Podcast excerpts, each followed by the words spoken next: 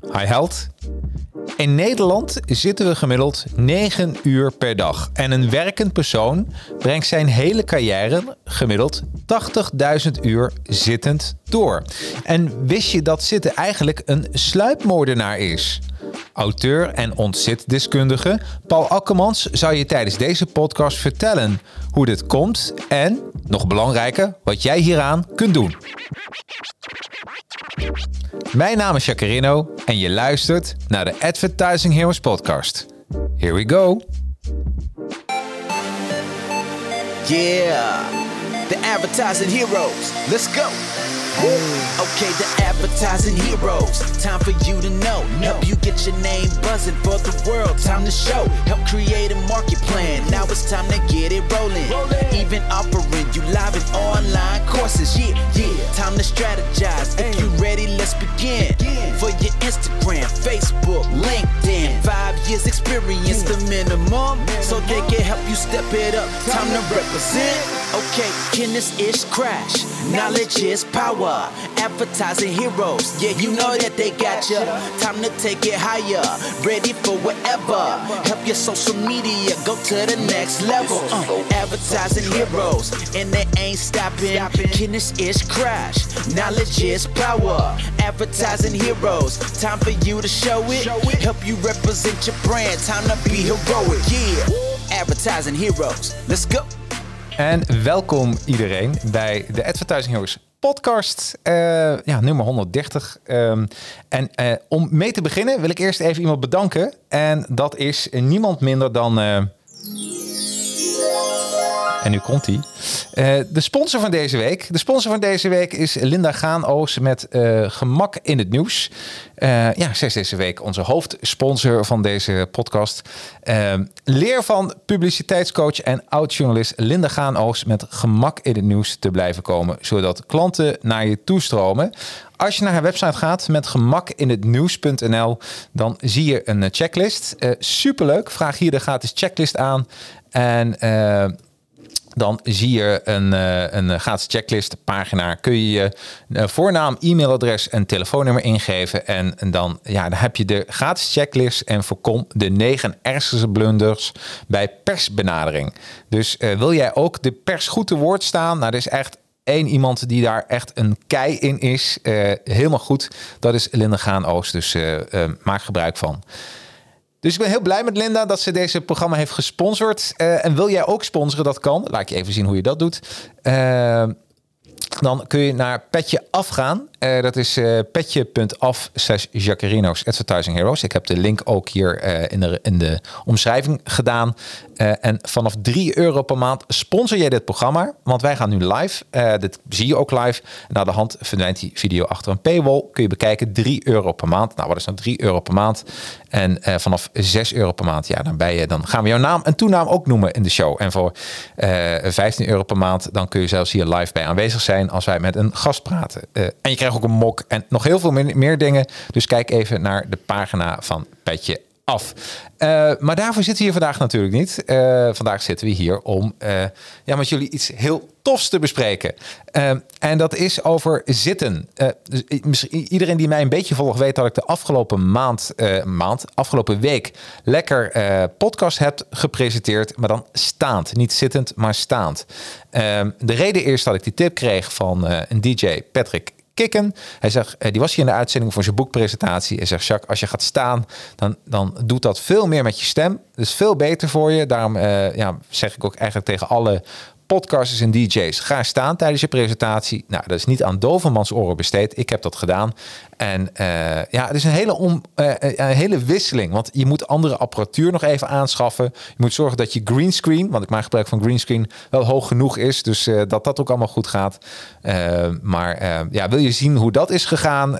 ja, dan, dan kijk naar de podcast van vorige week. Het was de allereerste met de stripvlogger. En uh, ik heb er ook één gedaan voor wat andere kanalen. Maar uh, ja, dus ik ben helemaal geobsedeerd nu door staan. En gelukkig sluit dat ook helemaal perfect aan bij het boek van deze week. En daar zie je uh, aan deze kant staan. Oh, aan deze kant. Ja, Ontzitten van Paul Akkermans. En ja, zoals jullie weten is eigenlijk ook helemaal geen geheim meer. Ik heb hem hier de uitzending. Paul Akkermans, welkom. Dankjewel, welkom. Goedemiddag. Wat een applaus, hè? Jazeker, Dus ontvangst. absoluut een heel goed ontvangst. Eh, Paul, ja, als we het hebben over jouw boek Ontzitten. Mhm. Daar heb je heel wat tijd in geïnvesteerd. Maar ik vind het altijd leuk om te weten, wie is de man achter het boek? Heb je wel eens gehoord van de elevator pitch? Ja, zeker. Ja, heb je wel eens, een, volgens mij, je bent bij een netwerk eh, ochtendclubje geweest. En daar had je zo'n 60 minuten, eh, 60 seconden seconden, presentatie. Minuten wordt heel lang. Presentatie. En ja, mijn vraag is, kun jij de Paul... Oh, even applaus alvast. Maar de Paul Akkermans elevator pitch. Ja, ik ben zelf niet zo voorstander van de elevator. Ik neem liever de trap, Ja. natuurlijk. Hè. We zijn eh, toch voorstander van bewegen. Mijn naam is Paul Akkermans, 34. ehm, vader van eh, Melle en binnenkort eh, krijgt hij er een zusje bij. Eh, zelf ben ik heel erg bezig met gezondheid, gezond leven in de zin van eten, ge- bewegen en alles daaromheen. Dat is de grote interesse vanuit mezelf. Ehm, en ik ben daar nou ook steeds meer dus met mijn werk mee bezig. Ja. Ehm, ik vertelde net buiten de uitzending om al dat ik ben begonnen met Zit Totaal. Eh, dat ging meer op mensen goed te laten zitten. Maar voortschrijdend inzicht heeft mij eigenlijk steeds meer laten zien dat zitten aan zich eigenlijk helemaal niet zo gezond is. Ehm, dat het veel meer gaat om bewegen en ze- zitten zoveel mogelijk te beperken en ook zo vaak mogelijk te onderbreken. Nou, daar is Balergo Balanskruk uit ontstaan. En uiteindelijk is daar ook mijn boek uit voortgekomen om mensen eh, echt te helpen ontzitten. Dus minder zitten en meer bewegen voor meer vitaliteit. Ja, dus je bent echt iemand. Ja, ah, eh, je- natuurlijk een applaus, dat hoort er gewoon bij. En je bent ook iemand die echt eh, staat voor zijn zaak, letterlijk Ja, en figuurlijk. zeker. En eh, een boek schrijven, dat is natuurlijk ook. Hey, je hebt het boek geschreven, Ontzitten. Eh, waarom heb je dit boek geschreven? Ehm, nou, in ieder geval om mijn verhaal dus eh, op papier te zetten om het over te brengen en dan meer mensen mee te kunnen bereiken. Ehm, en ja, ik heb een, een jaar lang heb ik iedere week een vlog gemaakt. Of ja, die heb ik wel in kortere tijd gemaakt, maar iedere week heb ik die geplaatst op LinkedIn.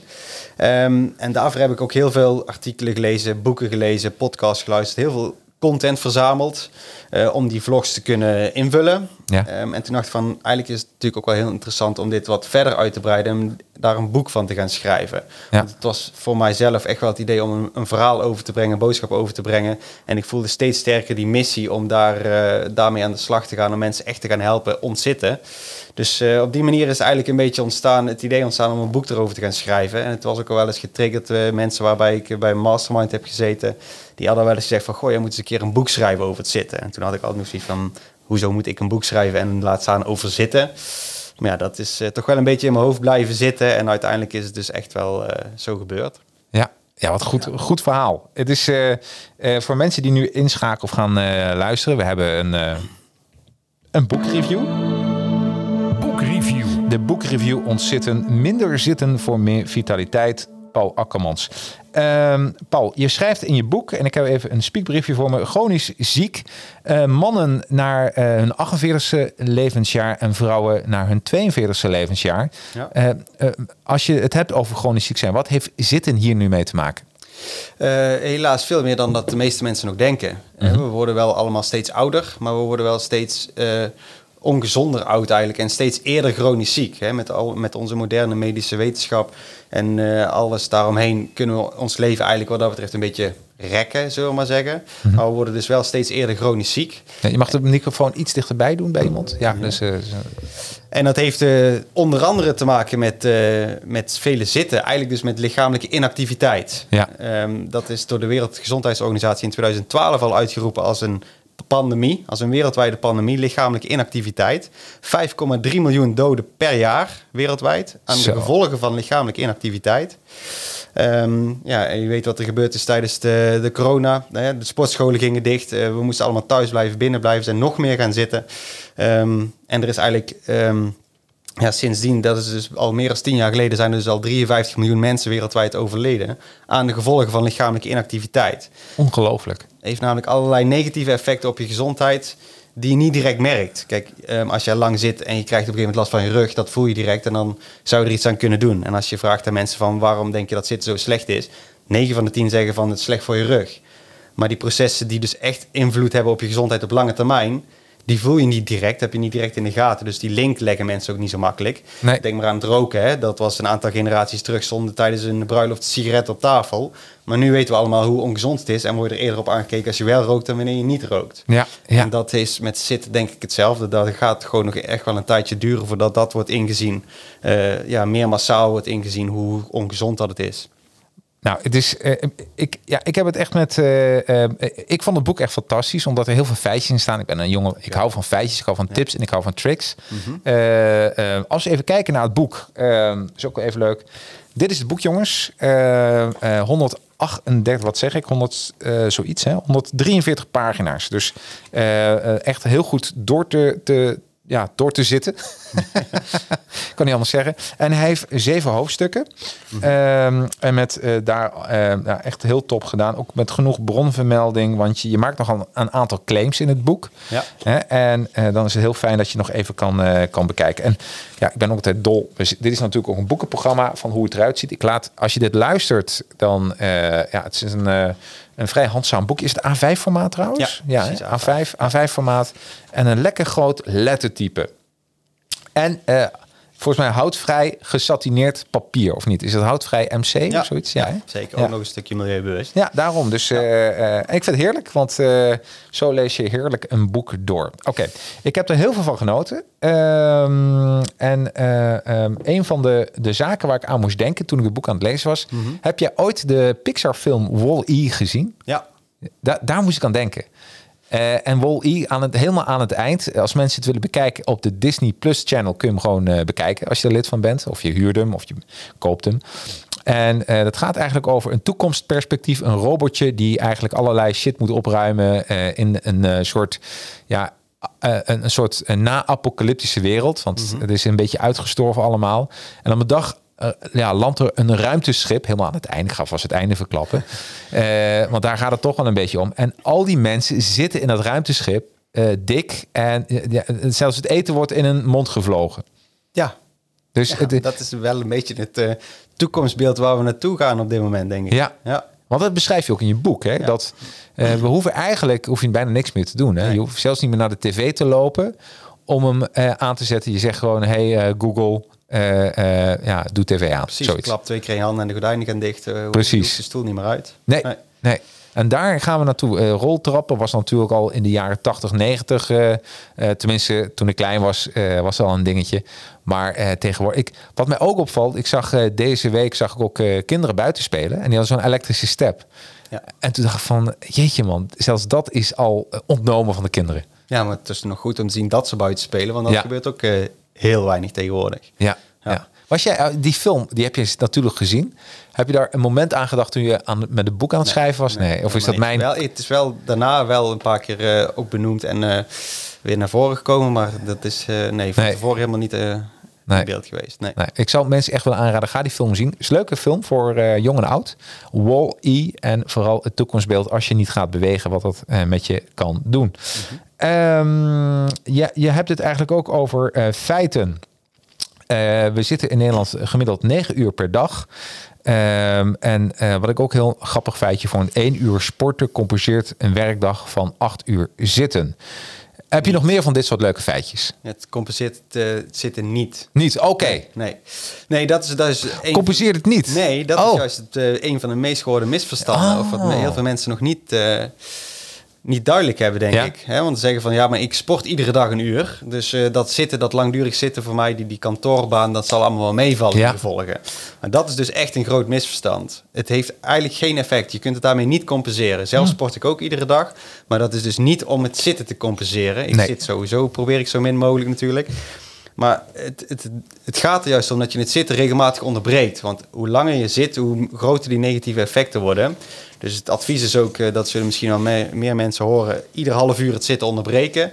En je totale zittijd zoveel mogelijk beperken. Ja. Dus als jij niet, gewoon acht uur achter elkaar zit en dan s'avonds nog een uurtje gaat sporten, ja, dan heeft dat sport is natuurlijk goed voor je gezondheid, maar het heeft geen of, ja, het, het compenseert niet de negatieve gevolgen van dat zitten wat je daarvoor gedaan hebt. Nee. Daarvoor nee. moet je het zitten gewoon echt onderbreken. Hey, heb je meer van dit soort leuke feitjes? Eh ja, Met dol op feitjes, hè? Dat is, diverse inderdaad, ja. Eh, even kijken waar, waar ja, we- je had ook over hoeveel, hoeveel uur eh, zitten we eigenlijk per jaar? Volgens mij is vast 80.000 uur. 80.000, ja, eh, bizar toch? Ja, bizar. Ja. ja. En, en Nederland, eh, we zijn ook een beetje kampioen in zitten, hè? Ja, helaas wel. Ze kampio- wereldkampioen eh, zelfs. Ja. Europees kampioen in ieder geval met het stilzitten. Ehm, en dat is ook behoorlijk verschil met de tweede plaats. Want wij zitten geloof ik 32% van de Nederlandse bevolking zit meer dan 8 uur per dag. En de volgende is, als ik me niet vergis, iets van 11 of eh, 21%. Ja. Het tweede land. Ja. Dus dat, eh, die verschillen zijn ook Jeetje. bizar groot. En dan hebben we natuurlijk ook echt een kenniseconomie, waarbij heel veel zittend werk is. Maar dat is, ja, vind ik nog altijd een beetje een bijzonder begrip. Ik heb zittend werk. Nee, je hebt een kantoorbaan of je hebt beeldschermwerk, maar dat hoef je niet per se zittend. Nee, nee. En al helemaal niet acht uur achter elkaar. Daar zijn we als mensen überhaupt niet voor gemaakt. Dat is ook eh, die, die tijden van 9 tot 5 werken, vijf dagen in de week. Ehm, dat is een beetje meer uit de industriële revolutie. Hè, dat we die fabrieksarbeiders, dat die tussen bepaalde tijden werkten. Ook de wekker en dat soort systemen, dat is allemaal een beetje vanuit die tijd ontstaan. Ja. Maar acht uur per dag naar een beeldscherm zitten kijken tussen vaste tijden, dat, daar kunnen wij helemaal niks mee als mens. Dat is heel ongezond. We moeten daar veel vrijer in zijn. Sowieso die beeldschermtijd natuurlijk veel meer beperken. Maar ook veel meer beweging in je dag integreren. En die eh, tijden waarop we zitten of naar een scherm kijken gewoon echt wel vaker onderbreken. Ah, wat goed. Hey, ik, ik heb naast mij een soort reliquie staan uit de oudheid. Ik pak hem er even bij. Eh, dat is dit. Het is Ja. nu al een reliquie. Het is een stoel. Eh, en, en je schrijft eigenlijk... Ik, voor de kijkers, ik pak gewoon mijn stoel. Eh, voor, voor, je schrijft in je boek dat het eigenlijk begonnen is... dat zitten die stoelen in Egypte. Ja, daar zijn de eerste stoelen met rugleuningen ontstaan inderdaad. En dat was meer voor de rijken. Dat had ook een stukje aanzien als je een stoel had, de hoge tronen en zo. Ja. Dus het was echt iets voor mensen met aanzien, mensen met geld. Ehm, en in de, de 16e eeuw eh, is volgens mij is het een beetje het zitten meer voor de gewone burger eh, ge- algemeen goed geworden. En later te- in de tijden van de massaproductie, eh, et cetera, daar is het meer een, een alledaags product, consumentenproduct geworden. Dus het was eigenlijk eerst voor de rijken. Ja. En na de hand eh, eh, ja, zat iedereen eigenlijk op een stoel. Ja, we zijn steeds meer gaan zitten. Er zijn natuurlijk Ja. steeds meer beroepen gekomen waar, die we zitten konden uitvoeren. Maar vroeger stonden de monniken te schrijven. Ehm, en die stoelen, wat ik al zei, dat is echt een stukje aanzien met die hoge, grote rugleuningen, allemaal versierd en met goud, et cetera. Die farao's. Dus dat was, eh, het was helemaal niet zoiets van, we moeten met z'n allen gaan zitten. Maar het was eerst een stukje aanzien en steeds meer is het, het is ook steeds comfortabeler geworden. Dus mensen wilden ook steeds meer gebruik maken van die stoelen. Ja. Ehm, maar dat is helemaal niet altijd zo vanzelfsprekend geweest. De hoeveelheid en de manier waarop dat we tegenwoordig zitten. Nee. Wauw. Dus, eh, ik, ik vind het een, een, een, super ehm, interessant onderwerp. Want eh, we zitten met z'n allen gewoon heel veel. Mhm. Ehm, en, eh, en jouw missie is dat we moeten staan. Nou ja, vooral ontzitten. meer staan, is dus ontzitten. meer bewegen. Meer Vooral dat bewegen. meer bewegen, ja, Ja. ja. Want langdurig staan is ook net zo slecht als langdurig zitten. En wat is langdurig staan? Hoe lang is langdurig staan? Eigenlijk ook hetzelfde, een half uur maximaal alleen gesloten. Oh, echt waar? Dus een, die, wat we nu doen is hartstikke slecht. Gewoon staand Ja, maar je staat niet helemaal stil, je bent Nee. in beweging. En het is wel Ja. iets gezonder dan eh, langdurig stil zitten hoor. Omdat je, je toch iets meer spieractiviteit, met name je benen en bilspieren zijn iets meer eh, actief dan wanneer je stil zit. En dat is Ja. het grootste probleem, dat die grote spieren inactief zijn tijdens het zitten. Ja. Ehm, maar hetzelfde geldt dus eh, als voor zitten, ja, dat je dat toch regelmatig moet onderbreken door die spieren gewoon even te activeren. Je moet je bloedsomloop stimuleren. Ja, je moet een beetje, een beetje wiebelen op je been als je Ja, staat. precies. Een beetje die spierpomp hè, vanuit je kuiten, je benen. Je moet echt Heb, heb je ook wat oefeningen nu? Dat, dat, dat, we, dat we nu kunnen doen dat je zegt van we zijn nu staand aan het presenteren. Is er Nou, iets je waarvan je een zegt. beetje op je tenen op en neer. Oh, is een beetje heen en weer. Dus Dus dan spieren spant. Je dus- kunt ook gaan squatten, maar is misschien een beetje raar om te kijken. Maar dit- Nou, vind ik wel een goeie. Dus, dus als, je, als iemand niet in beeld is, bijvoorbeeld ik doe jou alleen in beeld, dan ben ik ondertussen ben ik eh, dit Ja. aan het doen. Dan ben ik Ja. aan het. eh, ja, oké. Nou, dat, dat gaat het, daar gaat het dus om. Hè? Dat je dus die spieractiviteit stimuleert. Mhm. Dat je wat meer spieren gebruikt. En dan als je in een comfortabele stoel zit met allerlei ondersteuning en lekker veel comfort, kom je je stoel niet uit, maar je beweegt ook niet meer. Je zit helemaal stil en je verbruikt eigenlijk nog nauwelijks meer energie dan, eh, dan helemaal in rust. Ons bazaal metabolisme, zeg Ja. maar. Dus wat je nodig hebt voor je stofwisseling en je lichaamsprocessen om in leven te blijven. Ehm, maar we eten tegenwoordig dus ook steeds meer, steeds ongezonder, steeds meer bewerkte koolhydraten en suikers. Dus we krijgen meer energie binnen Ja. en we verbruiken minder doordat we minder bewegen. Nou, en die combinatie die zorgt er dus voor dat we eigenlijk als mens steeds eh, dikker, zieker en zwakker aan het worden zijn. Ja, ja. Ja. dus eh, we moeten met z'n allen wat meer gaan, eh, eh, want dat is het, hè. Je wil niet gewoon ziek worden en dat is toch wat er gebeurt Ja. als, je, als je de hele dag zit. En wij zijn in Nederland, dat zei je net, kampioen eh, zitten Zitten, ja, qua Ja. uren. qua uren. Van, eh, van Europa of van de wereld? In ieder geval van Europa en als ik me niet Oh. vergis ook zelfs van de wereld. Ja. Jeetje, man. misschien een paar landen zijn die het eh, nog slechter doen wat dat betreft. Maar in ieder geval niet iets om trots op te zijn. Nee, ik wil net niet. zeggen, wat, Nee. wat, wat bizar. Hey, beeldschermwerk, dat is ook Mm. zo'n ding. Eh, eh, je schrijft in je boek twee uur laptop en zes uur achter je beeldscherm. Doe je dat dan ook inclusief tv of is dat puur werk. Het gaat wel om een, om een werkdag inderdaad. Werkdag. Om het, eh, beeldschermwerk, ja. Oké, oké. En in feite televisie, ja, dat geldt hetzelfde verhaal. We- weet je wat ik daar apart aan vind eh, van dat onderzoek? Dat is eigenlijk. eh, we we hebben werkdagen van acht uur. Hè, dan heb je een paar uur pauze. Hoe lang heb je totaal een uur pauze, denk ik, officieel? Ik ben ondernemer, ik weet dat nooit. Nee, precies. Dus voor mij hetzelfde. Nee. Volgens mij is het inderdaad ook Eh, zo. eh, een, een uurtje. Dus eigenlijk, tot vijf, dat zijn volgens mij negen uurtjes. Dus dan heb je een uur pauze. ja, dus eigenlijk ieder bedrijf die laat zijn werknemers één uur te lang zitten. Als je acht uur hebt. Ja. Nou, dat, is, is toch. Nou ja, eigenlijk moeten we proberen om minder dan vier uur per dag te zitten. Dat zou eigenlijk het streven zijn. Ja, ja. Dan ben je goed bezig. En, en dat kun je natuurlijk kunnen ze gewoon blijven werken. Het is niet zo dat. Maar daar heb je hulpmiddelen voor waar wij nu bijvoorbeeld staan. Ja. En dat ze dan. En wat raad je dan aan? Bijvoorbeeld, wij hebben nu zo'n mooi eh, eh, systeem. Wij zouden nu staand kunnen werken. Ja. Ehm, hoe lang eh, kunnen we dit volhouden? Volgens jou? Staand werken?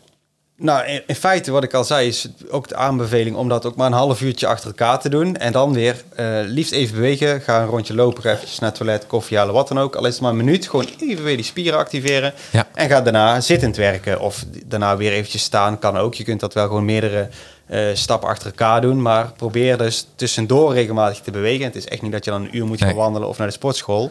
Maar weer even die spieren, spieren activeren. En wissel zoveel mogelijk van houding. Hè. De beste Ja. houding is de volgende houding. Ja. Dus ga een half uurtje staan, ga daarna eventjes naar het toilet, ga vervolgens eventjes een half uur zitten, et cetera. Ik heb echt eh, daar een, een ultieme oplossing voor, voor dat half uurtje. Ik zou iedereen willen aanraden. Brengt heel veel fun ook in een kantoor. Wat ik aanraad is, koop zo'n platenspeler waar die boxjes al ingebouwd zitten. Dus je zet je gewoon neer en dan eh, maak je iedere dag gewoon record day. Dus je neemt, iedereen neemt zijn platen gewoon mee. En, eh, en iedere keer dan zet je gewoon een plaat op. En zo'n plaat duurt gemiddeld de helft van 45 minuten. Hè, dus laat zeggen 20, 23 minuten, zoiets zal het zijn. Ehm, en als, als die plaat voorbij is, dan moet iemand opstaan om hem weer om te draaien. Ja, En dat werkt dus als je alleen werkt of je werkt met een collega, is dat een hele slimme manier met elkaar om in beweging te blijven. Ja want het probleem is dus ook, ehm, we zijn zo gefocust op ons beeldschermwerk of waar we ook mee bezig zijn, Ja. dat we daar gewoon helemaal niet bij stilstaan. Nee. We zijn er gewoon zo mee bezig met ons werk. Eh, als we eventjes een pijntje voelen in onze rug, dan gaan we even zitten of we rekken een keertje uit. Maar we gaan gewoon weer door. We blijven gewoon zitten. Dus we negeren daarmee eigenlijk de waarschuwingssignalen van ons lichaam. Die aangeeft van, goh, het is tijd om eventjes op te staan of in beweging te komen. Maar dat wordt dus eigenlijk, dat sluit er een beetje bij in. We blijven maar zitten. Eh, dus je zult ergens een of andere trigger moeten hebben waardoor je dus opstaat. En dan is Ja. zoiets wel inderdaad een, eh, een interessante. Ja. Dus een plaat, ko- een platenspeler en eh, platen tegenwoordig kosten niet helemaal niet zoveel. Als je, nou, je hebt heel veel tweedehandse zaakjes. En letterlijk voor 1 euro bij de kringloop kun je een plaat meenemen. Dus hoe leuk is dat?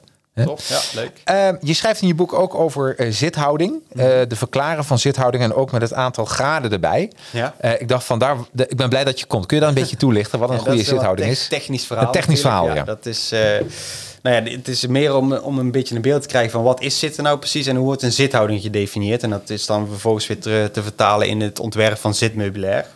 Ehm, je moet je, eigenlijk is het makkelijkst om daar voor je lichaam voor te stellen als een eh, keten van segmenten. Ja. Dus je onderarm is een segment, bovenarm is een segment en is verbonden met het ellebooggewricht. En die zorgt dus dat die onafhankelijk of, eh, ja, van elkaar kunnen bewegen. Ehm, daarbij moet je eigenlijk het bovenlichaam eh, zien als, of je je rug zeg maar als een geheel met het lende, dus je onderste lendenwervels als een scharnierpunt. Ja? Natuurlijk is het normaal wat complexer. Iedere wervel heeft zijn eigen bewegingsuitslag, et cetera. Eh, maar als je dus het lende, je lendenwervels als één scharnierpunt ziet en je bovenlichaam kan dus daarover eh, scharnieren, Ja? dan zit het massamiddelpunt eh, van je hele bovenlichaam zit ongeveer in je okselstreek. Ja? En wanneer dat, dat recht boven of net achter het scharnierpunt is, dus dit is het, zeg maar, het scharnierpunt van je onderrug als Ja. je zit, als dat er dus net boven of daarachter is en je ontspant volledig, Ja? Dan heb je dus een stabiele houding. Eh, voorwaarde daarbij is wel dat je dus gebruik maakt van een rugleuning. Hmm. Maar zodra je dan dus volledig zou ontspannen, dan zit je echt eh, in een stabiele houding tegen die rugleuning aan. Ja. En dat, is de, dat noemen we de functionele eh rugleuninghoek van 115 graden of meer. Oké. Dus als je er recht boven zit of iets ervoor en je zou ontspannen, dan val je voorover. Ja. En zodra je daar dus iets achter zit, dan heb je dus een, Oh, dat is een stabiele, eh, ontspannen houding. Ja. Oh, dat vind ik dus eh, dat het punt dat je voor of achter dat je net achterover valt, ga je een stukje terug en dat is de meest ontspannen houding. Ja, en dat is dus eh, Ah. met een functionele rugleuning. Dat is de, eigenlijk de hoek vanaf de horizontaal tot aan de bovenkant, het raakvlak van je rugleuning. Die zou dan dus eh, 115 graden moeten zijn, die hoek. Dus net iets meer dan die 90 graden. Ja. Als je dan volledig ontspant, dan zit je achterover tegen de rugleuning aan. Daarom zijn autostoelen ook altijd een beetje zo natuurlijk. Die zijn nog verder. Dat is eh, Ja? ongeveer, eh, dat is wel grappig dat je dat zegt inderdaad, want dat is onze individuele voorkeurshouding. Ja. Om, tijdens het autorijden is je blik eigenlijk 99% van de tijd op de horizon gericht. Je kijkt ver vooruit, recht vooruit. En dat is ook heel bepalend. Die blikrichting is heel erg bepalend voor je zithouding. Voor, eh, dus je activiteit waarvoor wat de blikrichting bepaalt, bepaalt uiteindelijk ook jouw zithouding. Maar tijdens het autorijden, als we dan dus ontspannen zitten, er is dus onderzoek naar gedaan bij heel veel mensen om te kijken van wat is voor jou nou de meest ideale positie, hoe zit je het lekkerst, Eh, wat is dus jouw individuele voorkeurshouding, maar die blijkt helemaal niet zo individueel te zijn, Nee. want die ligt eigenlijk bij iedereen om en nabij de 123 graden. Dus dat is nog iets verder achterover dan wanneer dat die stabiliteit ontstaat. Dan zitten we echt nog meer in de stoel. Ja, ja. Ja. oh wat goed. Wat goed.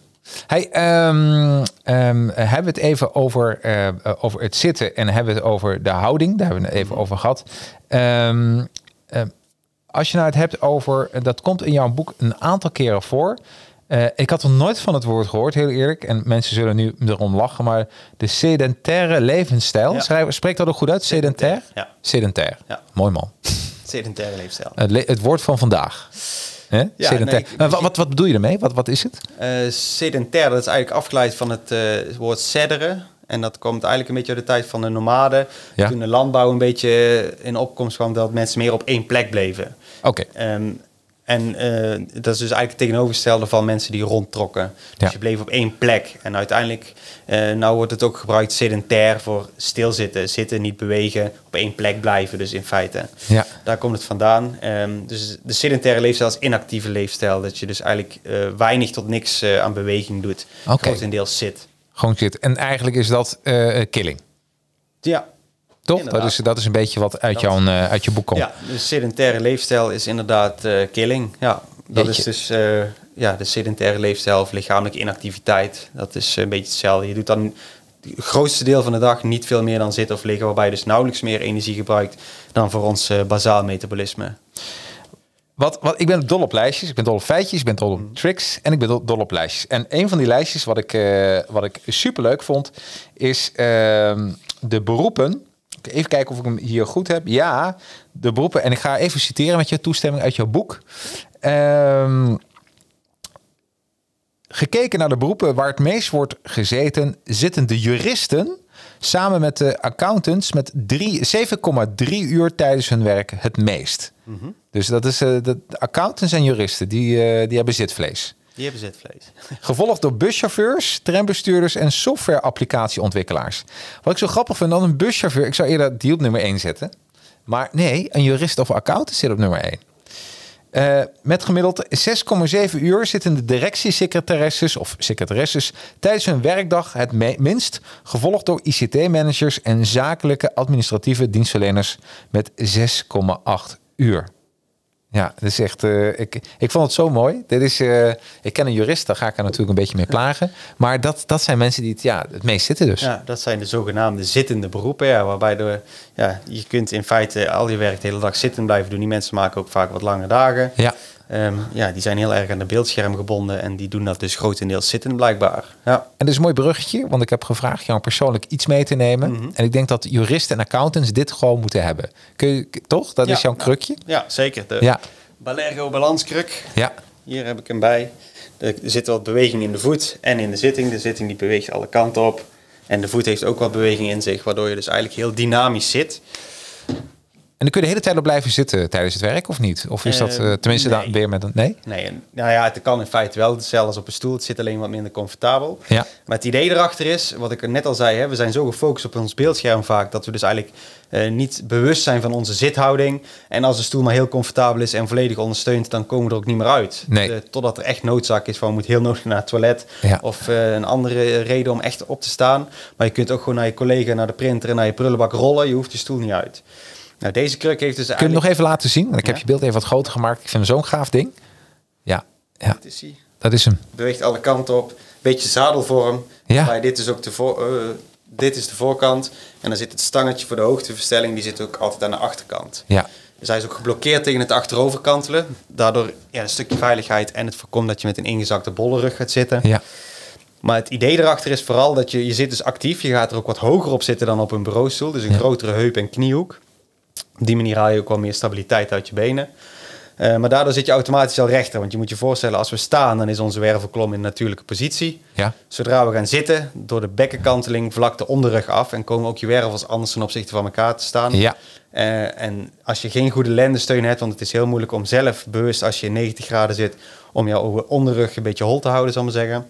Eh, daardoor krijg je eigenlijk veel eenzijdige druk op je tussenwervelschijven. En dat is ook schadelijk voor je rug. Ja. Eh, dus je houding is gewoon al een stuk gezonder. En je hebt geen rugleuning, geen armleuning, dus je bent wat actiever. Je zit op eigen spierkracht rechtop. En je moet jezelf continu in balans houden, Ah. omdat, eh, omdat je er anders afkukelt, zeg maar. En dat is het begin heel eventjes wennen. Ja. Sommige mensen hebben na een kwartier in de gaten, anderen moeten er een paar dagen op zitten. Maar we wennen er allemaal aan. En het gaat er dus om dat je daardoor ook meer eh, spieractiviteit hebt in je bovenlichaam. Eh, maar dat gaat dus gewoon, eh, na een tijdje gaat het gewoon helemaal onbewust. Dus daar hoef je niet meer over na te denken.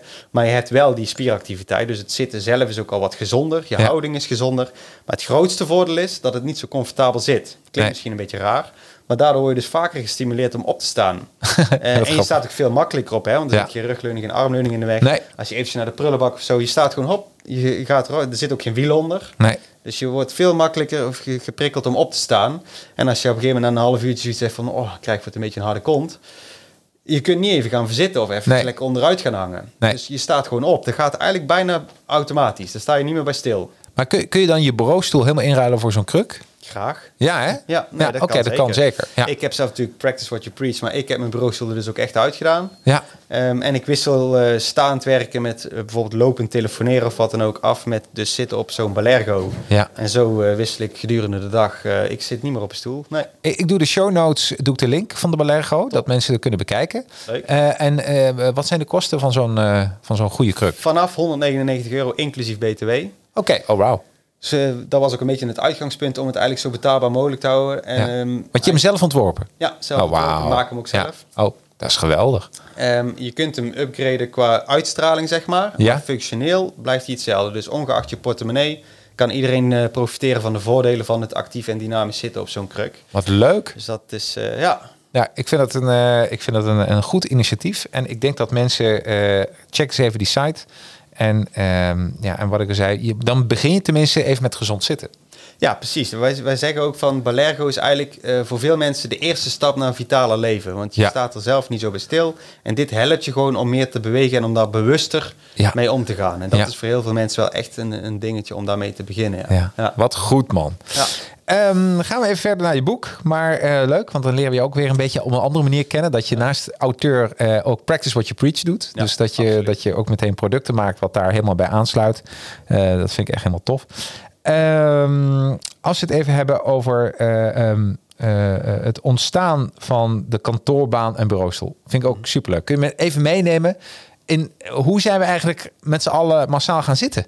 Als kantoorwerkers. Ehm, nou, dat is dus ook gekomen omdat die stoel steeds meer zijn intrede heeft gedaan. Omdat er steeds meer werk is gekomen wat zittend gedaan kan worden. Maar het, het ontstaan van de bureaustoel en de bureauwerkplek, dat is, dat schrijf ik in mijn boek dus een beetje een, ja, een leuke introductie over Charles Darwin. Eh, ik weet niet of je dat nog eh, Absoluut. dat ook bedoelt. Ja. Ja. Eh, die kwam dus terug van een, van een reis en die ging in zijn kantoor, wilde die al zijn bevindingen gaan, gaan uitwerken en bekijken, et cetera.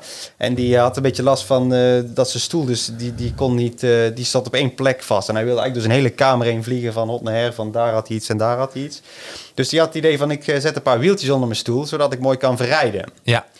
Nou, dat is eigenlijk een beetje, het is niet officieel de eerste bureaustoel, die is nu zoals we hem nu kennen. Dat is later in, eh, in Amerika ontstaan, de Central Spring Chair, of Centipentral eh, Spring Chair. Ja. Moeilijk woord, maar in ieder geval, dat was eigenlijk de eerste stoel met vijf tenen, zoals we die nu kennen. Want dat was nog gewoon de Charles Darwin stoel met vier poten. En deze heeft er vijf, zoals we die nu kennen. Eh, die had toen alleen nog geen eh, in hoogte verstelbare en draaibare gasveer, want die techniek bestond, toen nog niet. Dat is pas weer iets later gekomen, maar dat is toen in Amerika is dat wel de eerste bureaustoel zoals we die nu een beetje herkennen, is die gekomen. Ehm, en de manier waarop we dus nu zitten, en dat dus eh, een, een bureaustoel draaibaar moet zijn en hoogte verstelbaar, dat is eigenlijk een beetje ontstaan in de tijd van de elektrische typemachine. Ja. Want die had natuurlijk nog een heel hoog dik toetsenbord. Dus als je die op je bureau voor je zette, dan zat je een beetje zo te typen. Dus die stond vaak haaks op het eh, bureau op een verlaagd werkblad. En dan leek het dus wel handig om te kunnen draaien op je stoel en te kunnen verrijden van typemachine naar je gewone bureauhoogte. Eh, maar er was toen nog niet echt nagedacht over de consequenties wat dat had voor ons zitgedrag. Ja, jeetje. Want eigenlijk is het, werkt het super contraproductief, zo'n bureaustoel. Want iedere beweging die jij maakt, hè, als je eventjes wil gaan verzitten, wat heel natuurlijk zitgedrag is, we zitten feitelijk nooit echt helemaal stil. We reageren continu op prikkels van eh, discomfort, waardoor we gaan verzitten als we te lang in één houding zitten. Maar iedere beweging die we maken, die eh, wordt direct doorgeleid eigenlijk in de stoel, waardoor je dus draait op je stoel of een stukje verrijdt, verrolt. Die stoel die reageert daar eh, de hele tijd op. En dat werkt eigenlijk heel contraproductief op ons besturingssysteem. Eh, je moet je ook voorstellen, beeldschermwerk is eigenlijk eh, een activiteit waarbij het hele bovenlichaam betrokken moet zijn. Want je bedient je muis, je toetsenbord en dat zijn allemaal kleine, minimale spierbewegingen. Maar daar, eh, om dat goed te kunnen doen, dient eigenlijk je hele bovenlichaam bij betrokken te zijn. Dus je Ja. hele rompspieren. Dus die moeten ook actief zijn. Die moeten vrij kunnen bewegen. Maar als je helemaal in een bureaustoel hangt en helemaal ontspannen bent en overal ondersteuning hebt, dan werkt dat dus juist averechts. Dus Ja. daarom zeggen ze ook, beeldschermwerk is eigenlijk een activiteit waarbij het hele bovenlichaam betrokken dient te zijn en waardoor dus eigenlijk een rugleuning ook gewoon zelfs niet geadviseerd wordt. Als je echt gaat kijken naar hoe dat we zitten en om dat op zo goed mogelijke manier te doen. Ik vind dat. Hey, en eh, in jouw boek schrijf je ook over, eh, over ja, processen in je lichaam. Eh, en dat wil ik ook even met jou door. En ik zal even het rijtje opnoemen wat ik even heb opgeschreven. Want even kijken, dat gaat over lymfesysteem, spieren, botten, hersenen, hart en vaten. eh, nou, noem het maar op. Wat, wat doet het bijvoorbeeld met je, met je lymfesysteem? Ehm lymfesysteem is eigenlijk, het, je moet je voorstellen, bloed, bloedsomloop wordt gestimuleerd door het hart. Hè. Het hart is de pomp van, eh, van de bloedsomloop. Ja. Ehm, ze zeggen ook wel eens dat je kuitspieren een soort van pompwerking hebben. Dus daarom zei ik net ook al op je tenen Ja, op en neer wippen. ja. Stimuleert die bloedsomloop vanuit je benen, zeg maar. Maar het lymfesysteem heeft geen pomp. Nee. Dat moet puur en alleen van spieractiviteit hebben. En er zit ongeveer 200.000 kilometer lymfevaten in ons lichaam. En we hebben dus op verschillende plekken lymfeklieren. Eh, maar om dat vocht door al die eh, vaten en langs die klieren te laten stromen, moeten we spieractiviteit hebben. Ja. Nou, dat kan dus alleen door te bewegen. Ah. Dus hoe- als jij heel veel stil zit, eh, het riool van ons lichaam, het lymfesysteem, staat daardoor gewoon stil. Dus je Ja. afvalstof wordt ook veel minder en veel minder efficiënt afgevoerd. Dus dat heeft natuurlijk ook weer allerlei nadelige effecten. Ja. En je Ja. spieren en je botten? Ehm, dat is wel heel grappig. Dan eh, moeten we eens kijken naar de zwaartekracht, naar de Ja. ruimtevaart. Daar Ja. is eigenlijk een beetje het, het inzicht uitgekomen. Want als wij eh, heel langdurig stilzitten of liggen, bedlegerig... vroeger eh, werden mensen veel sneller geadviseerd van... ga maar x aantal weken of dagen plat leggen. Ja. Ehm, totdat mensen de ruimte ingingen. En toen ondervinden astronauten eigenlijk soortgelijke effect, alleen veel sneller. Mm. Eh, en dan heb ik het over de botdichtheid en spiermassa die echt aanzienlijk afnemen naarmate dat we dus eh, langere tijd niet bewegen. En astronauten die hebben diezelfde effect als gevolg van de gewichteloosheid. Die kunnen daar wel de hele dag bewegen, maar dat heeft geen enkel effect qua gezondheid. Omdat er geen weerstand is. En ons lichaam heeft eigenlijk eh, die heeft echt baat bij die zwaartekracht. Dat is echt Ja. essentieel voor alle fysiologische processen in ons lichaam om gezond te blijven. Dus we moeten bewegen onder invloed van zwaartekracht. Ehm, en dat heeft dus effect op botdichtheid en ehm, op de spiermassa, die gewoon echt afnemen. En als we gewoon op aarde onder invloed van zwaartekracht gaat dat een stuk langzamer. En vroeger schreven we dat soort effecten toe aan het ouder worden. Hè? Dus dat de botdichtheid afnam, waardoor je eh botten brozer werden en eerdere botbreuken ontsta- ontstaan als je valt. Maar dat eh, blijkt dus grotendeels te komen door, eh, ook door, die, door het inactieve leven. Ja. Oh, wauw. Ja. Hey, ik, ik, ik, ehm, ehm, je hebt het trouwens ook in je boek over de blue zones. ja. Wat, wat zijn dat? Dat vond ik ook zo, zo grappig. Ja, dat is wel een interessant iets inderdaad. Er zijn, eh, er zijn vijf blue zones op de wereld. Er zijn vijf Ja. gebieden op aarde waar mensen... Hè, dat is een redelijk geconcentreerde gebieden zijn dat... waar de bevolking eh, ouder wordt, relatief ouder. Dus er zijn relatief veel 90 tot 100-jarigen. Maar wat nog meer opvalt is dat die mensen ook veel gezonder oud worden. Hè, want we Ja. kunnen hier ook wel 100 worden. Maar over het algemeen is dat niet meer in zo'n goede gezondheid... als die mensen in die blue zones... En het grappige is dus, er zijn dus negen gemeenschappelijke kenmerken die eh, uit onderzoek naar voren zijn gekomen. Wat die, die bevolking uit die verschillende groepen verspreid over de wereld dus gemeen hebben. Ja. En als je gaat googlen van eh, eh, kenmerken Blue Zones, bij alle resultaten die ik tenminste heb gevonden, stond bovenaan lichamelijke beweging, natuurlijke beweging. Ja, ja, ja, ja. Ja. mensen die sporten ehm, in verhouding minder dan, dan de meeste mensen misschien zelfs. Dus Ja. sommige sporten gewoon helemaal niet.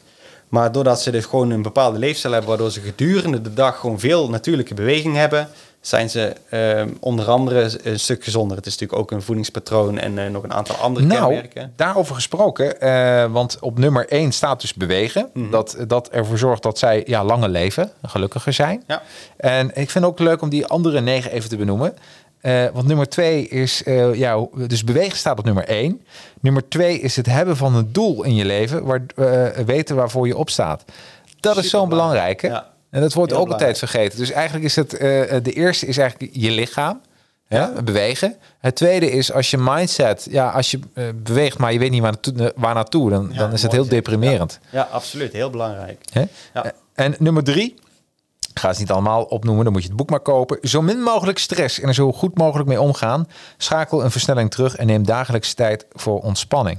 Ja, en dat zijn toch die, die landen, als ik zo even naar kijk, Italië, Sardinië, eh, eh, Sardinië, eh, Okinawa, Japan inderdaad. Dat zijn allemaal lekkere landen waar het zonnetje ook schijnt. Ik bedoel, dat is de, denk ik, Ja, ik denk ook dat dat zeker van invloed is. ja, toch? Dan ga je toch anders gedragen. Heb ik vandaag gezegd, het is super mooi weer. Dan ga je toch even wat anders door de dag heen. Ja, ja nee, absoluut. Speelt zeker mee. Ja. Dus, eh, dus, eh, eh, dus ja, en wil je anderen weten? Oh, nummertje 6, nee, doe ik nog even voor mezelf. Regelmatig rode wijn. Ja, ja. Nou, ik wou net nog iets anders gaan zeggen, maar dit is inderdaad ook eentje. toch? Ik hoorde laatst dat mensen in die blue zones, dat die relatief, of dat ze dus vaker en relatief ook veel roken. Ja. Maar het grappige is dus, ehm, omdat die mensen dus over het algemeen gewoon zo'n gezonde leefstijl hebben, heeft dat roken veel minder nadelige effect op ons lichaam. Hier in het Westen, Ja. zoals heel veel mensen leven, is het en, en, en, en. En Ja. dan, ja, dan wordt het gewoon natuurlijk super ongezond. En als je dan rookt, dan kan je lichaam dat gewoon niet meer erbij hebben, zal ik maar zeggen. Dan Nee. heeft het veel meer schadelijke effecten dan wanneer je dus gewoon heel gezond leeft en minder stress, meer beweegt, gezond, natuurlijk eet. Want voeding is ook echt super belangrijk natuurlijk. Ja. Ja. En stress, is ook nog wel grappig. Eh, Je hebt dus twee verschillende vormen van stress. Ja. Want je hebt eh eustress en distress. Ja. En de stress eh, van het werk, deadlines, et cetera, van ons hectische leven hier. Dat is dus een eh, stress met eh, negatieve effecten. Maar koud douchen, bewegen onder zwaartekracht, dus dat je echt jezelf flink pusht met de zware oefeningen. Ja. Dat soort zaken. Of dat je vast, hè, dat je bijvoorbeeld het, het ontbijt overslaat, dat je af en toe wat honger en dorst bewust creëert, zeg maar, voor jezelf. Dat soort stressmomenten, dat is juist heel gezond voor je lichaam. Daarmee daag je je lichaam uit en prikkel je je lichaam, wat juist weer een positief effect heeft. Ja. Ons lichaam gedijt ook eh, onder belasting. Hè? Een spul, een tandenborstel of een stoel in dit geval. Die slijten door het te gebruiken. Hè? Maar ons lichaam wordt juist sterker en weerbaarder door het te gebruiken. Ons lichaam die heeft daar gewoon baat bij, bij dat soort stress en bij dat soort inspanning. Ja, is echt. Ik, ik, daarom, ik, ik, ik zat zo te lezen. Ik dacht van ja, eigenlijk is de. de als jij. ehm, eh, we moeten gewoon ehm, denkbeeldig gewoon wat mooier weer in ons hoofd hebben. Ja, het je moet in het hoofd Heb je, heb je ook een beetje meer zin in rode wijn of een witte wijn en eh, minder stress? En, en als het, ik weet niet hoe het bij jou zit, maar als bij mij, als het zonnetje schijnt, ga ik net even iets meer wandelen met de hond. Ga Ja, ik net even makkelijker naar buiten. en makkelijker dat- naar ja. buiten. Ja. Dan moet ik ook zeggen, mijn hond, ik weet niet, heb jij een hond trouwens? Nou, ik heb een hond. Eh, Bo. En eh, als het, het is zo magisch dat als het iets gevroren heeft, het is wat kouder, dan, eh, dan, dan doe ik heel lang over zo'n wandeling. Want hij wil bij elk grassprietje gaat hij dan ruiken. En als het mooi weer is, een of andere manier, dan, dan ruikt, hij, ruikt zij wel, maar dan veel minder. Dus dat kom ik er ook, dus ook achter. Dat, dat, het is beter ook voor mijn hond. mooi weer. Dus Ja. voor, voor iedereen is het veel beter. Ja. Ehm, Vitamine Kijk, D3, hè, het zonnetje, is ook belangrijk. Absoluut, Ja. absoluut. Ja, dus eh, dan hebben we het even over eh, een van de zaken waar je het eigenlijk over schrijft, is eh, arbo en ergonomie. Mhm. Ehm, eh, ja, wat is die connectie tussen? Wat is ergonomie en wat heeft arbo daarmee te maken? Dat zijn eigenlijk twee dingen die behoorlijk aan elkaar gerelateerd, aan gelinkt zijn natuurlijk. Ja. Ergonomie is ergo en nomos, of mos, dat is dus werkwet. Twee Ja. woorden samengevoegd. Werkwet, en dat is eigenlijk om de mensen te beschermen tegen de effecten van, eh, van het werk, de gevaren van werk. Het is eigenlijk om de gezondheid, vitaliteit, et cetera, van de mensen te bevorderen. Het doeltreffend functioneren van mensen bevorderen. Ja. Nou, en de, de Arbo die heeft daar dus een aantal richtlijnen en eh, zaken omheen gemaakt om dus dat een beetje vast te leggen en mensen bepaalde houvasten en handvatten te geven om dat een beetje te sturen en goede banen te leiden. Maar het is een groot misverstand dat het, het, is, het zijn geen wetten. En Nee. een ergonomie, dat is ook wel grappig, een ergonomische bureaustoel, dat, dat mag ik over, ik mag alles een ergonomische bureaustoel noemen, want het is geen beschermde titel. Nee. Ergonoom daarentegen, dat is wel een officiële titel. Eh, maar een ergonomisch product, ja, ik mag alles een ergonomisch product noemen in feite als ik dat verkoop. eh, hè, en mensen zijn er toch gevoelig voor, maar het zegt in feite niks. En het is ook wel heel grappig dat er bepaalde normstoelen zijn. Dat zeggen ook mensen, eh facilitair manager, die moeten een bureaustoel, eh bureaustoel gaan kopen voor een bepaalde afdeling. Ja. Nou, dan gaan we een, eh, een normstoel aanschaffen, want dan, eh, dan is hij goed, weet je wel. Dan Ja. voldoet hij aan de richtlijnen. Nou, A, een Arbo die keurt geen stoelen of zo, dus er is geen Arbo-stoel, dat bestaat helemaal niet. Nee. En de bureaustoelnormen, die zijn eh, een beetje in het leven geroepen door bureaustoelfabrikanten. Oh. Dus een beetje commercieel belang hebben ze Wij van. WC Eend. Precies dat. Ja. Maar eh, los daarvan, ehm, als jij een normstoel koopt, een, of een bureaustoel die aan een bepaalde norm voldoet, die normen zijn gebaseerd op gemiddelde. Ja. Ehm, dan hebben we een Europese norm en een Nederlandse eh, richtlijn, de Nederlandse praktijkrichtlijn 1813. Dat is dus de Nederlandse praktijkrichtlijn voor bureaustoelen. Is ook op gemiddelde gebaseerd. Het is wel, eh, wij hebben in Nederland natuurlijk een relatief lang volk.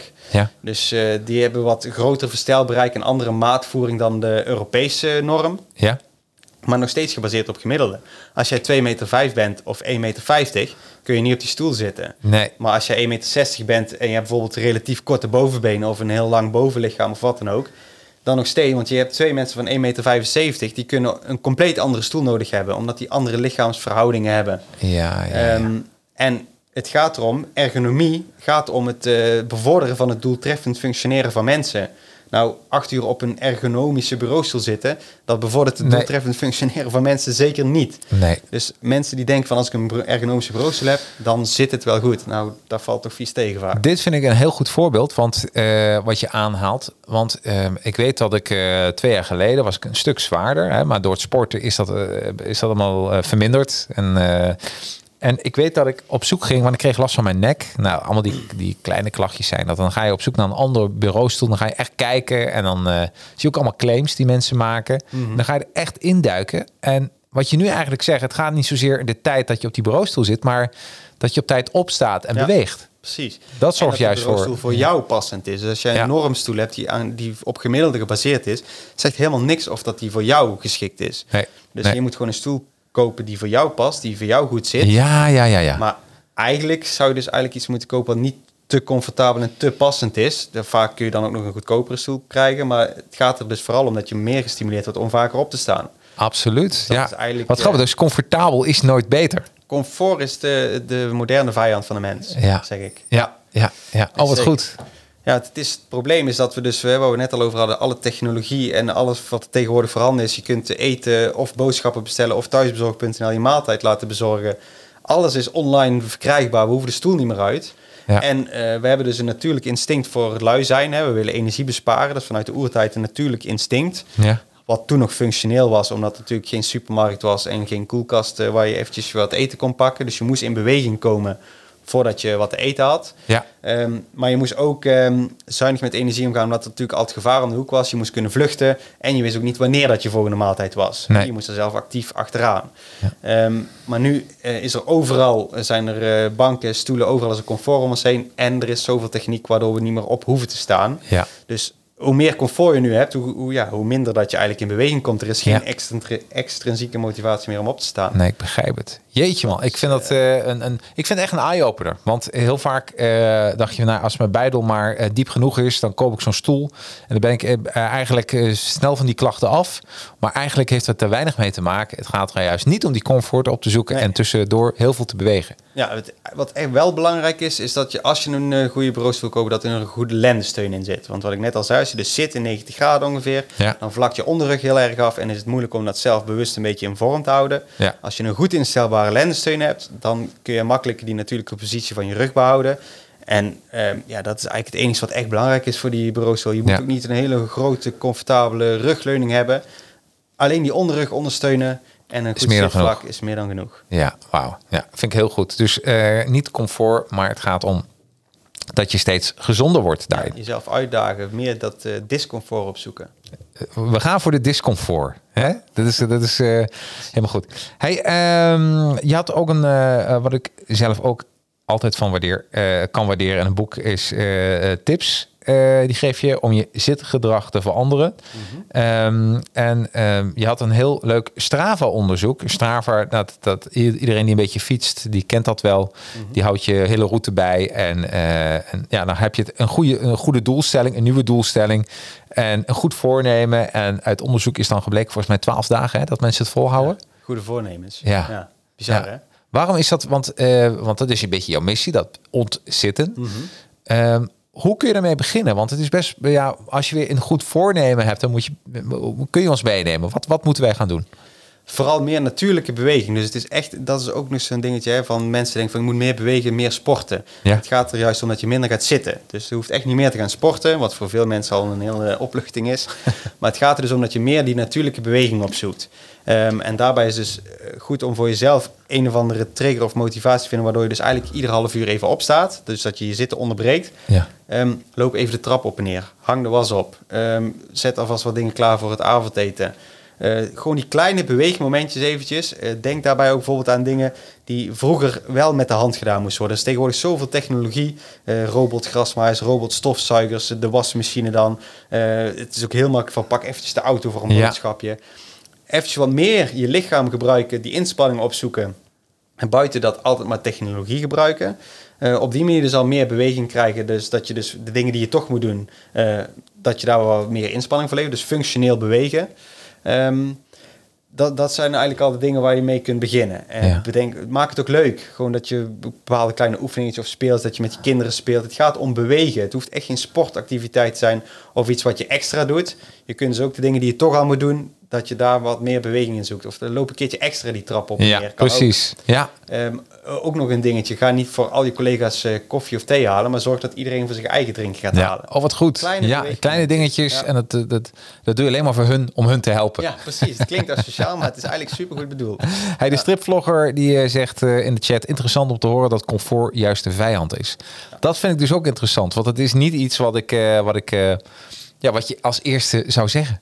Nee, nee, precies. Het klinkt, eh, klinkt heel positief, maar Ja. het is tegenwoordig, hè, want we leven gewoon in een moderne en op comfort gerichte maatschappij, maar dat is tegenwoordig dus inderdaad die vijand. Vroeger was dat heel iets anders. Maar, Ja.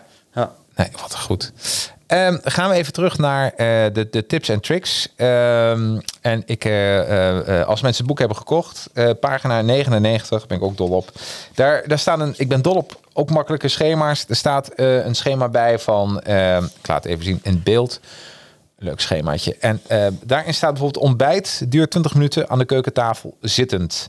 Eh woon-werkverkeer 30 minuten auto zittend. Niet recht voor de deur parkeren, maar een stukje lopen. ja, als tip inderdaad Als dus tip. op dat vlak je zittijd wat te beperken. Nou, bureauwerk geef je aan 160 minuten, kantoor zittend, elk half uur even opstaan. Ja, Eh, nou, één op één overleg collega, 60 minuten, eh, doe het eens een keer lopend.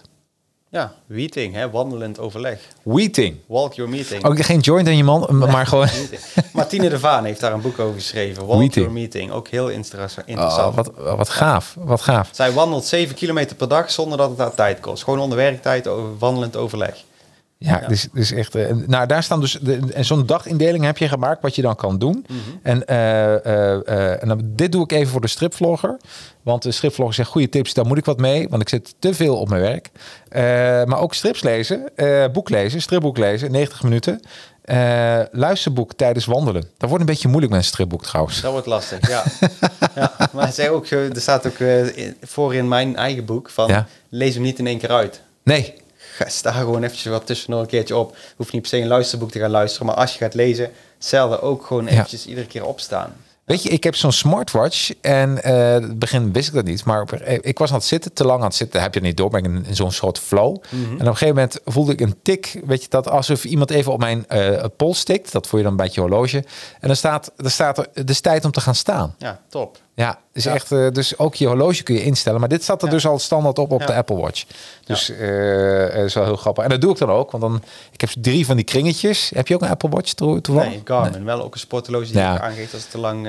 Precies. Nou, zit. ik heb dan drie kringetjes. En een van die kringetjes is dat ik om de half uur volgens mij moet gaan staan. Zoiets is Ja. het. Ja, ja, top. dus, ik ben zelf heel erg voorstander van de Pomodoro-techniek. Ik En wat is dat? dat Dat is eh, afgeleide van een tomaat, pomodoro. Ja. Maar dat is in ieder geval een Italiaan die heeft eh, een keer een kookwekker gezet in de vorm van een tomaat. In eerste instantie zette hij die maar twee minuten, maar die is daar zo door gefascineerd geraakt. Uiteindelijk is uit onderzoek gebleken dat 25 minuten de ideale tijd is. Ja. Dus je zet een timer, het liefst ook echt een kookwekker waarop je kunt zien hoe lang dat je nog hebt en je hoort hem tikken. Dat even tezijde, maar het gaat er dus om, je zet 25 minuten een timer als, en dan werk je gedurende die periode aan één taak. Ehm, dus afleiding of zo, wordt, eh, dat eh, schuif je even opzij. Je werkt Ja. aan één taak 25 minuten. Daarna neem je drie tot vijf minuten pauze. Ja. Perfect om dus even op te staan en te bewegen. En je hebt ook, die wekker loopt af, dus je hebt ook echt een signaal. Ik zit bij- eh, 25 minuten, ik sta even op. En vervolgens ga je weer verder. 25 minuten werken, drie tot vijf minuten pauze, bla bla. Vier pomodoro's afgewerkt. Dan heb je dus ongeveer twee uur achter elkaar gewerkt. Dan neem je 15 tot 30 minuten pauze. En vervolgens doe je, begin je weer opnieuw. Eh, Super eh, productieve manier van werken. Er is ook een heel boek over geschreven, de Pomodoro-techniek. Het is echt een bewezen techniek die al door miljoenen mensen wereldwijd wordt gebruikt. Ehm, ik ben daar zelf eh, ook echt mee bezig en het werkt gewoon. Je bent super geconcentreerd, super productief. En je hebt iedere keer voor jezelf weer die reminder van eh 15 minuten voorbij. Ik sta even op. En dan loop ik gewoon, hè, want ik heb mijn kantoor boven. Dan loop ik de trap af, ga ik of naar het toilet, pak even wat drinken. Het is ook niet de bedoeling dat je dan nog eventjes een taak doet waarbij je ehm, je hersenen gebruikt, zeg maar. Ja. Het is ook echt eventjes om af te schakelen. Want het is dus bewezen dat je daardoor veel efficiënter, veel productiever, creatiever bent. Als je op die manier gedurende de dag werkt. Ja. Dus dat je 25 minuten aan één taak werkt. Komt er een afleiding binnen of een telefoontje, schrijf het gewoon eventjes op. Maar parkeer het en werk door aan die ene taak. Ehm, en als jij bijvoorbeeld na 25 minuten die timer loopt af. En je denkt, ja, als ik nog 5 minuten doorwerk, dan heb je die taak af. Nee, je stopt gewoon echt. Ja. En je gaat daarna weer verder. Maar die pauzes, dat is echt, dat werkt ook super. Daardoor krijg je veel makkelijker, veel meer beweging in je dag.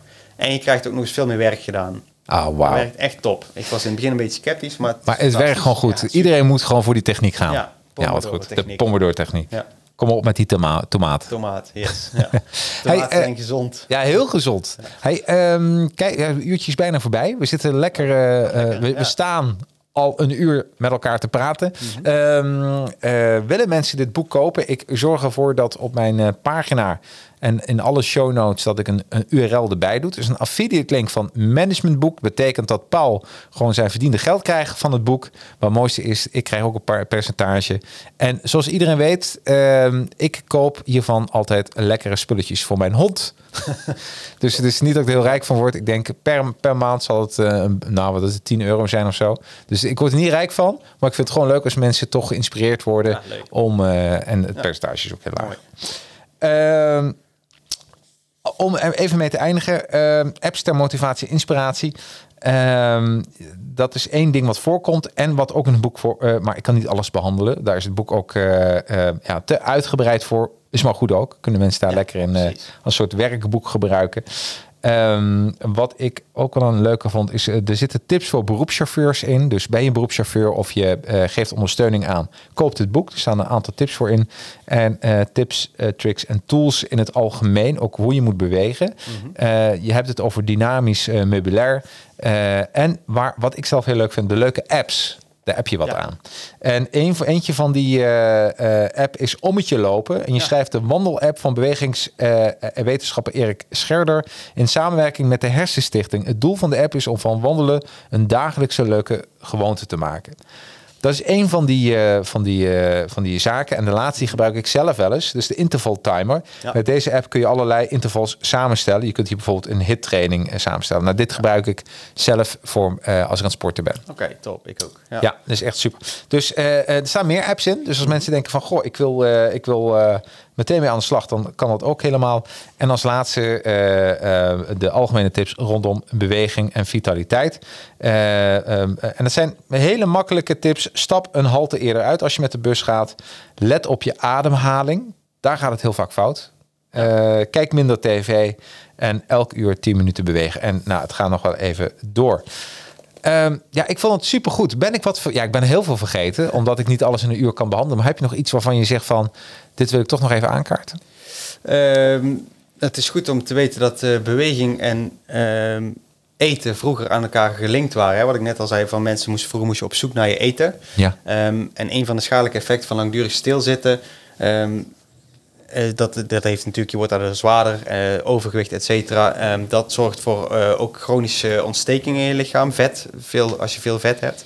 Ehm, als je eet, is ook iedere keer een, een ontstekingsreactie in het lichaam. Ja, Heel bizar misschien, maar het is ook niet te meten. Het is ook niet dat je koorts krijgt natuurlijk, maar het geeft wel een ontstekingsreactie in het lichaam. En mooi is, beweging zorgt voor anti-ontstekingsreactie. Maak je anti-ontstekingsstof aan. Dus dat vroeger, als je ging eerst bewegen en daarna eten, dus het compenseerde elkaar. Ja. Dus daarom is het ook heel goed om, eh, voordat je gaat eh, eten, om eventjes te bewegen. En het is ook heel goed om nuchter te bewegen. Dus dat je voor je ontbijt gaat sporten of wandelen of net wat. Dat je in ieder geval wat aan beweging doet voor je eten. Dat, eh, dan compenseer je die negatieve effecten daarvan ook. Ah, wat goed. Ja. En, eh, misschien leuk om af te sluiten de, eh, voor een gezonde oude dag. Hè. We weten Ja. allemaal, daar moeten we voor sparen. Een gezonde spaarrekening. Maar het is eh, minstens zo belangrijk om te zorgen voor een gezonde spierrekening. Oh, wat en goed. daarvoor moet je nu vandaag beginnen. Want je kunt Ja. gewoon echt een reserve opbouwen door nu iedere dag voldoende te bewegen. Waar je later, op latere leeftijd gewoon echt profijt van hebt. Dat je langer zelfstandig bent en gewoon vitaler oud wordt. ja. Ja. Oh, wat goed. Kijk, wat spier op de botten. Ja, precies. Ja. Niet vet op de bot, Nee, spier, spier op de bot. Ja, Wat Het goed. is gewoon heel belangrijk om dat eh, in stand te houden. Ja, daar heb je later gewoon echt profijt van. Nou, ik, ik weet zeker, aan deze podcast hebben mensen heel veel. Eh, wil je nog meer weten? eh, check mijn pagina of de show notes. Dan zie je dadelijk het boek van de, de URL waar je hem kan bestellen. Ehm, ik wil je hartelijk bedanken voor jouw Geen komst. Ja, een. Ja, een super inspirerend verhaal. Ehm, en ehm, ja, volgende week dan heb ik weer eh, natuurlijk, en ik ga zijn naam niet zeggen, en waarom niet? Eh, het is me een paar keer gebeurd dat ik dan mensen eh, zeg van, ze komen langs, maar dan gebeurt er wat en dan zitten jullie te wachten op die persoon. Dus volgende week vrijdag ben ik gewoon weer. En dan, eh, eh, eh, maar ik geloof wel dat hij komt. Het wordt heel leuk, een hele inspirerende man. Last but not least, ehm, ik ga iets heel gaafs doen. De, ik ga een webinar doen over het no-nonsense verhaal over je geld verdienen via social media. Zoals je weet, via Academy eh, verkoop ik trainingen. Maar ik stop ermee. Ik stop met het verkopen van trainingen. Ik maak een community. En als je lid wordt van die community, dan kun je al die trainingen gewoon krijgen. Eh, en eh, dan heb ik het over eh, jouw online training. Er zit een training bij hoe je je eigen online training maakt en welke software ik daarvoor gebruik. Organiseer een power webinar. Ja, hoe je een verkoopwebinar maakt en welke software ik daarvoor gebruik. Bouw een actuele, een succesvolle landingspagina. Ook ja, wat ik gebruik, zoals eh, als je naar webinar.academy.nl gaat. Dat is een landingspagina. Er is maar één knopje waar je op drukt en dan ja, hoop ik dat je meedoet met de webinar. Dat is een landingspagina. Hoe je die maakt, welke software ik gebruik. Connect the dots, hoe ik een creatieve campagne maak. Wil je alles weten over Facebook en Instagram advertising? Eh, ja, het zit er gewoon allemaal bij. Dus ehm, LinkedIn advertising, LinkedIn Sales Navigator. Maak een succesvolle nieuwsbriefcampagne en produceer een super podcast. De reden waarom ik dit doe, dit is een training wat eigenlijk altijd 4500 euro was. Dit wordt namelijk, eh, nou, ik denk twee tientjes in de maand. eh ben je lid van de community, kun je er gewoon toegang tot krijgen. Eh, ik heb een persoonlijke missie. Ik geloof niet in de gouden formule. En heel vaak doe je, worden mensen lid van zo'n training, eh, van een bepaalde training. En wordt gezegd, nou, als je dit toepast, nou, dan, dan, dan verdien je bakken met geld. Ik weet uit ervaring, dat gaat niet gebeuren, want iedereen heeft zijn eigen aanpak nodig. En eh, dat wil ik uit die community loshalen van, oké, wat voor persoon ben je? Waar heb je juist een hekel aan? Ja, klinkt een beetje spiritueel, maar wat is jouw frequentie? Waar, waar ben je gevoelig voor? Nou, wat ik aanbied zijn bouwstenen en eh, samen met de communityleden kun je kijken van, oké, welke, welke combinatie zou het beste bij mij passen? Ik wil een lekkere grote community voor maken, betaalbaar. Ik noem het een, eh, een eh, HBO Plus abonnement, oftewel lekker betaalbaar voor iedereen. Als je de eerste, jaar, eh, eerste maand onderneemt, dan kun je er al aan meedoen. Eh, ik wil gewoon iets beginnen in Nederland. Ik wil af van al die eh, trainingen waar ik echt eh, en die webinars waar ik zelf kippenvel van krijg op een negatieve manier. Gewoon dat mensen lekker aan de bak kunnen gaan hiermee en eh, doe gewoon mee. Is gratis. Eh, het is een eh 9, 10, 11 mei. Als je dan op de eh, naar eh, webinar.academy.nl gaat, dan klik je op de knop ja, ik doe mee en vervolgens ja, dan zie je dan de datum. En eh, ja, dan kun je gewoon daarop klikken en eh, dan kun je de datum ingeven wat je wil. Doe gewoon lekker mee. Ik wil gewoon een hele laagdrempelige, leuke social media academy maken. Dus eh, doe gewoon lekker met me mee. Nou, dat was hem. Volgende week zijn we er dus weer. En ja, ik wens jullie eigenlijk allemaal een... ja, een, komt nou Pasen eraan? Ik ben altijd een beetje in de war met de feestdagen. Wat komt er eigenlijk allemaal aan? Koningsdag. Koningsdag. Koningsdag Paas komt eraan. Paas hebben we net gehad. Dankjewel. Nou, vrolijke Koningsdag dan. Hoi.